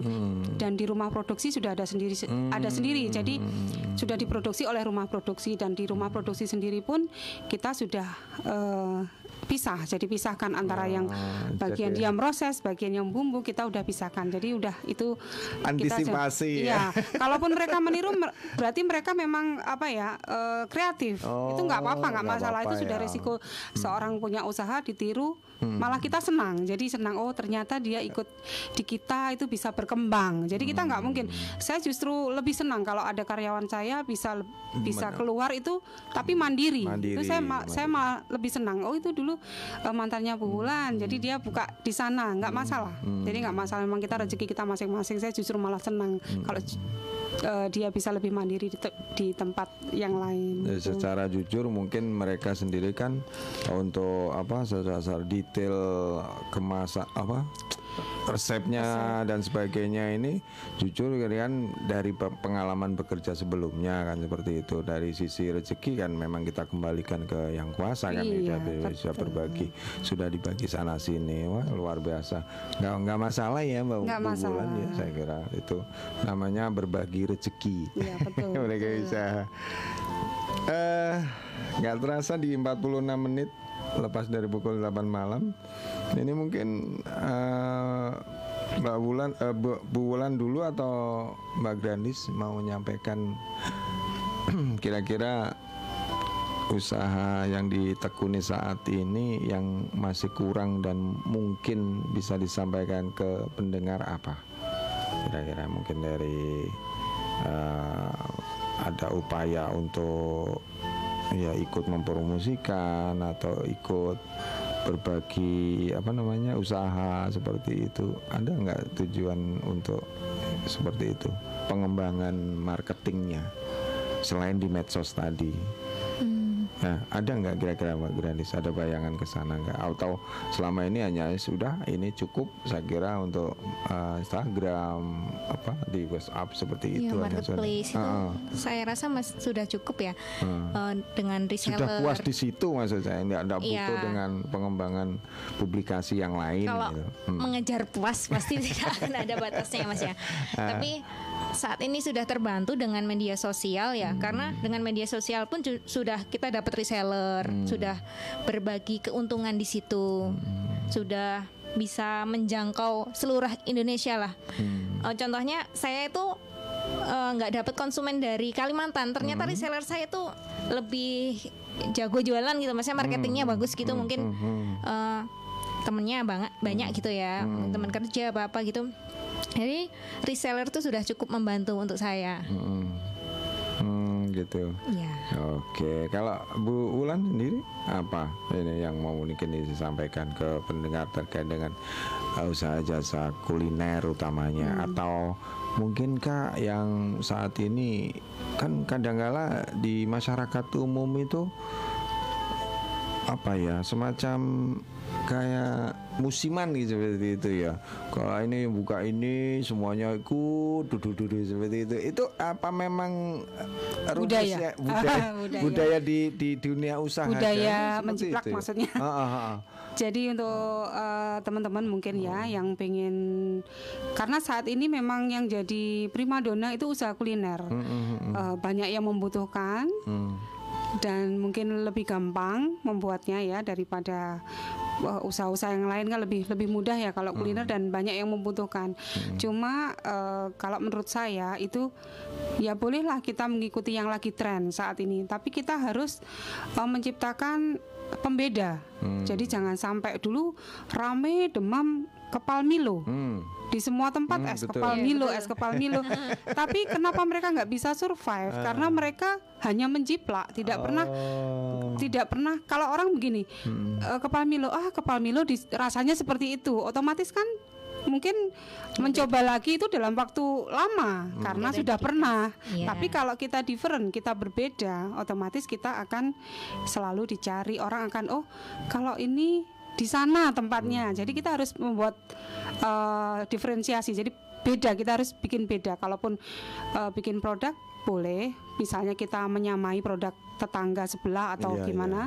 tapi kita harus menciptakan sesuatu yang baru inovasi yang beda yang membuat orang yang selalu ingin mencoba Selalu produk ingin kita. mencoba. Ya. Itu dilakukan juga ke Mbak Grandis ke produknya apa yang seperti disampaikan Bulan. Iya. Eh, kebetulan abon lele itu di Madiun itu mungkin jarang banget ya. Soalnya eh, testimoni dari konsumen saya tuh Heeh. loh oh ternyata di Madiun ada abon ya kenapa nggak tahu dari dulu gitu Oh, iya gitu ya. ya mungkin uniknya itu juga eh, kok dari lele gitu Heeh. terus, ketika teman-teman ingin membangun usaha misal Heeh. eh pengen sama bikin abon lele ya silahkan tapi kan setiap orang itu pasti punya ciri khas ya itu ya sama kayak bulan itu pembeda. Dari resep bumbunya itu pasti akan beda. Jadi lebih condong ke bawang putihnya mungkin mungkin condong ke bawang merah lebih condong ke gula atau lebih ke gurih dari garam gitu ya. Hmm. itu setiap orang tuh pasti punya ciri khas tersendiri. Hmm. ya betul. Walaupun dengan bahan baku yang sama. Ya kayak sambal pecel itu kan yang jual kan ratusan Banyak, banget iya, kan. Iya, dan yang lapak-lapak penjual nasi pecel itu sini A sama B udah beda lagi. Mungkin daun jeruknya sana lebih eh, dominan yang sini lebih manis yang sana pedes gitu kan. Jadi silahkan jika ingin mencoba usaha apa pun tuh silahkan. Yang pasti kita punya apa ya namanya eh ciri khas. ciri khas ya dari kita yang menonjol Oke, waduh luar biasa. Ada tambahan dari Bu Wulan? Sekaligus saya juga mau ngecek eh, dari ini eh, yang aktif untuk melihat di siaran langsung di Facebook kita. Monggo Bu Wulan. tambahannya Iya. apa ya Eh, teman-teman yang ingin memulai usaha kuliner eh, ayo kita ramaikan dunia perkulineran dengan inovasi dengan apa ya kreativitas kita jadi yang lagi booming sekarang kan memang kuliner. Mungkin teman-teman pengen mencoba usaha sampingan mungkin ya atau mungkin usaha utama. Ya saran saya itu tadi. Kalau eh, ini kalau boleh saya apa ya, saya tak kok tergelitik dengan usaha sampingan. Apakah suatu usaha itu harus berbentuk seperti itu ya, Bu Kang? Eh, kan istilahnya kan tidak fokus ya, karena ini hanya sampingan seperti itu. sampingan. Apa yang dimaksud seperti itu? Kalau yang saya tangkap ini Kalaupun kalau ketika- sampingan itu yang dimaksud waktunya. Jadi waktunya Oh. kita mengerjakannya sampingan, tapi tetap kita harus tetap fokus, tetap Mas. fokus, oh. Kalau nggak fokus gimana nanti malah nggak jalan usaha kita. Maksudnya mungkin Ah. sebelumnya sudah punya misalnya anak kuliah, yang Hmm. anak kuliahan pengen usaha sampingan ya di mana dia masih punya waktu sisa, itu bisa. Mungkin dia sore paruh waktu dia mau join sama temennya, mau buka Hmm. angkringan lah, mau buka apa yang sekarang lagi tren-tren. Hmm. Saya pikir itu tapi tetap fokus karena kita untuk bisa bikin produk yang bagus gimana supaya kita tempat kita tuh rame gimana supaya jualan kita itu eh, nggak sepi itu kan memang kita harus fokus. Fokusnya ya mungkin di menu di inovasi atau mungkin di sosmed atau mungkin di apa ya di eh, apa pemasaran. Kita woro-woro ke teman-teman itu ya tetap itu. Jadi maksudnya eh, mungkin yang punya kayak ibu-ibu rata-rata juga sampingan karena tugas utamanya kan Prioritasnya ah, keluarga, mengurus betul. keluarga dan Nah, Nah, iya. Karena itu, masih ada waktu sisa ya, Bu, ya? Masih ada waktu sisa. Iya. Bisa lebih apa, Memanfaatkan. produktif dan lebih produktif. ya. Hmm, karena ada memang ibu luar biasa ibu-ibu itu kadang ya itu tadi banyak waktu yang bisa dimanfaatkan sedemikian rupa untuk mendongkrak eh, apa ekonomi produktif dan sebagainya apalagi ini memang di era apa eh, digital yang sekarang era industri 4.0 ini ekonomi produktif ini memang sangat-sangat sangat bisa di, di memang pemerintah mendorong guys seperti itu bahkan ini nanti untuk dinas kominfo juga mendapatkan jatah dari pemerintah eh, kementerian yang ada di badan SDM Surabaya. Ini tanggal 14 besok ini kita mencoba untuk em, melatih ibu-ibu yang mungkin punya usaha yang suka dengan eh, belanja online seperti itu atau mungkin produknya ini kita akan juga laksanakan itu. Memang dari pemerintah kota di dalam hal ini dinas kominfo memang juga berusaha untuk eh, tanggal 14 ini bekerja sama dengan BPSD SDMP yang ada di Kementerian Kominfo di Surabaya itu akan melatih ibu-ibu biar biar produktif. Jadi di, di rumah itu tidak hanya sosmedan seperti kemudian hanya selfie selfie dan Sosmednya sebagainya. lebih manfaat ya, Iya, ya, Mas ya. itu. Memanfaatkan Jadi, kuota. Jadi bekerja sama dengan Google Surabaya dan uh, narasumbernya satunya kalau nggak salah ini kemasan produk yang akan di dikemas sedemikian seperti itu mungkin yang akan ditampilkan itu yang Nah, yang kurang sudah apa lagi enaknya ya Mas sudah punya usaha banyak fasilitas mau Iya, betul. pelatihan apa pun sudah difasilitasi fasilitasi sama. Betul Ibu. pemerintah. Tinggal semangat kita. Jadi Nah. eh, kan pemerintah kan sudah memfasilitasi pelatihan-pelatihan eh, melalui dinas disperindak Iya, ataupun ada. dinas sosial Iya, kan mas. lain, Tiap yang bulan lain. pasti ada. Jadi lewat undangannya biasanya lewat kelurahan, terus lewat RT, perwakilan tiap RT atau tiap, tiap RW. Jadi eh, kita tuh harus maksa diri sih, maksudnya harus semangat gitu loh. Ikutin dulu lah pelatihan ini mungkin dapat inspirasi. Eh, kayak saya dulu kan banyak sih saya Iya, ikutin iya, kayak ha. melukis eh, melukis kain, Aha. terus apa lah segala macam gitu. akhirnya jatuh ke ini Iya, ya. jadi kita dapat inspirasi dari situ, terus bisa kita jadikan bisnis. Hmm, yang yang bisa apa membawa hasil kemudian Betul. kita bisa langsung fokus di satu bidang. Iya, Nah ini kalau betul. pengalaman bulan dari juga seperti itukah ketika uh, kita ingin membidik satu usaha jasa ya atau mungkin dari si makan- makanan minuman kemudian kok saya kok pengen seperti itu seperti ini seperti itu sebenarnya tidak ada masalah ya bu ya dari sisi kaitannya dengan pembinaan dari dinas tertentu dan sebagainya itu terjadi nggak oh saya kemarin saya ikut di The Berindak misalkan kemudian kemarin saya ikut ini dengan tema yang berbeda seperti itu apa nggak nggak apa mempunyai pemikiran yang fokus yang saya sampaikan Eh, tadi kalau ya? bisa, eh, kalau menurut saya Iya. itu eh, kita lebih passionnya ke mana? oh Jadi kita lebih apa ya kayak interestnya kita tuh lebih passionnya ke mana? Kalau kita passionnya kita oh aku passionnya ke makanan, saya lebih sereknya ke makanan. Ya oke lah kita Hmm. Yang geluti bisa makanan. menilai diri Oh, sendiri. iya, otomatis diri sendiri. Kalau saya passionnya oh aku di batik, aku seneng ini. Yang nah itu kita kita sendiri yang lebih tahu. Jadi otomatis kalau kita melakukan dengan eh, sesuatu di diri kita kan hasilnya bisa lebih maksimal karena kita sepenuh hati gitu. Iya betul. Saya seperti menambahkan, pengalaman ya. maksudnya Heeh. Memaksa semangat tuh kadang-kadang tuh ibu-ibu tuh kalau diundang gini loh, gini loh mas. Aduh, malas ah. Mungkin enakan di rumah gitu ya. Oh, iya, Mungkin enakan di rumah. Aduh, malas ah. Padahal kan udah dapat fasilitas apa ya Ilmu yang jelas ya, yang jelas ilmu, tuh yang paling ilmu. penting kan ilmu. Jadi sesu tinggal menyesuaikan aja dengan passion kita. Hmm. Jadi kak saya tuh ya suka masak, terus suka sama seni lah suka. Terus pengen fokus ke mana nih gitu. Hmm, bisa bisa ditunjukkan ya atau Iya. diarahkan sebenarnya Iya, dari betul. hasil pelatihan pelatihan Iya betul. itu. Jadi kalau Hmm. kita tuh kan namanya manusia tuh pasti lebih milih malas gitu kan. Oh. Jadi untuk memaksa melawan hawa nafsu malas itu. Baik, tanpa terasa sahabat Salamadun di 58 menit lepas dari pukul 8 malam.